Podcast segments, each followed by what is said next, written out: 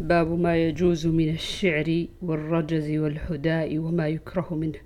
وقوله تعالى والشعراء يتبعهم الغاوون ألم تر أنهم في كل واد يهيمون؟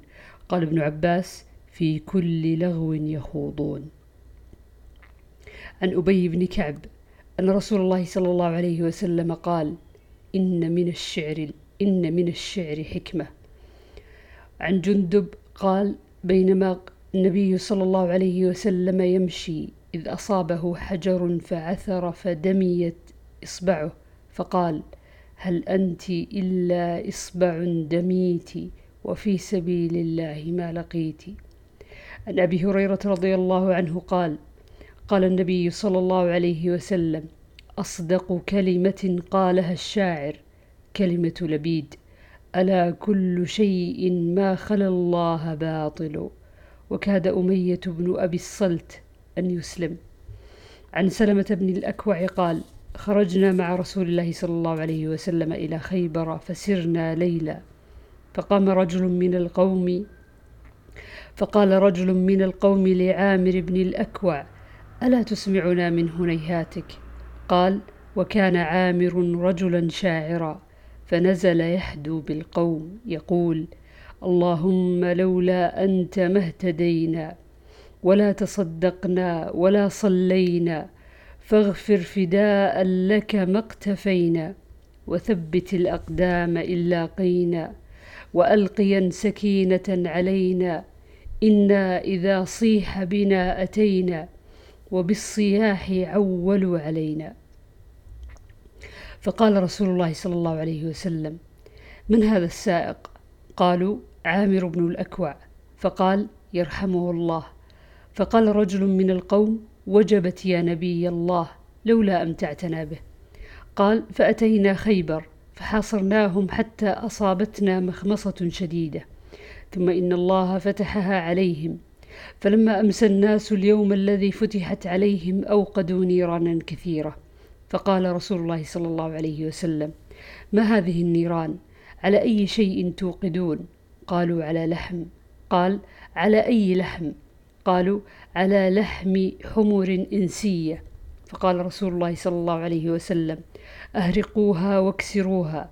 فقال رجل يا رسول الله أو نهريقها ونغسلها. قال أو ذاك. فلما تصاف القوم كان سيف عامر فيه قصر فتناول به يهوديا ليضربه ويرجع ذباب سيفه فأصاب ركبة عامر فمات منه فلما قفلوا قال سلمة رآني رسول الله صلى الله عليه وسلم شاحبا فقال لي ما لك؟ فقلت فدا لك أبي وأمي. زعموا أن عامرا حبط عمله. قال من قاله؟ قلت قاله فلان وفلان وفلان. وأسيد بن الحضير الأنصاري فقال رسول الله صلى الله عليه وسلم كذبا بمن قاله إن له أجر لأجرين وجمع بين إصبعيه إنه لجاهد مجاهد قل عربي نشأ بها مثله. عن أنس بن مالك رضي الله عنه قال أتى النبي صلى الله عليه وسلم على بعض نسائه ومعهن أم سليم فقال ويحك يا, أن ويحك يا أنجشة رويدك سوقا بالقوارير. قال أبو قلابة فتكلم النبي صلى الله عليه وسلم بكلمة لو تكلم بها بعضكم لعبتموها عليه. قوله سوقك بالقوارير. باب هجاء المشركين. عن عائشة رضي الله عنها قالت استأذن حسان بن ثابت رسول الله صلى الله عليه وسلم في هجاء المشركين. فقال رسول الله صلى الله عليه وسلم فكيف بنسبي؟ فقال حسان لأسلنك منهم كما تسل الشعرة من العجين. وعن هشام بن عروة عن أبيه قال ذهبت أسب حسان عند عائشة. فقالت لا تسبه فإنه كان ينافح عن رسول الله صلى الله عليه وسلم. عن الهيثم بن أبي سنان أنه سمع أبا هريرة في قصصه يذكر النبي صلى الله عليه وسلم يقول إن أخا لكم لا يقول الرفث يعني بذلك ابن رواحة. قال وفينا رسول الله يتلو كتابه إذا انشق معروف من الفجر ساطع أرانا الهدى بعد العمى فقلوبنا به موقنات أن ما قال واقع. يبيت يجافي جنبه عن فراشه إذا استثقلت بالكافرين المضاجع. عن حسان بن ثابت الأنصاري أنه استشهد أبا هريرة فقال يا أبا هريرة نشدتك الله.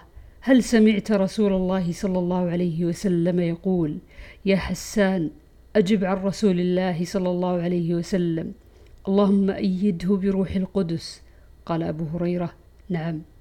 عن البراء رضي الله عنه أن النبي صلى الله عليه وسلم قال لحسان أهجهم أو قال هاجهم وجبريل معك.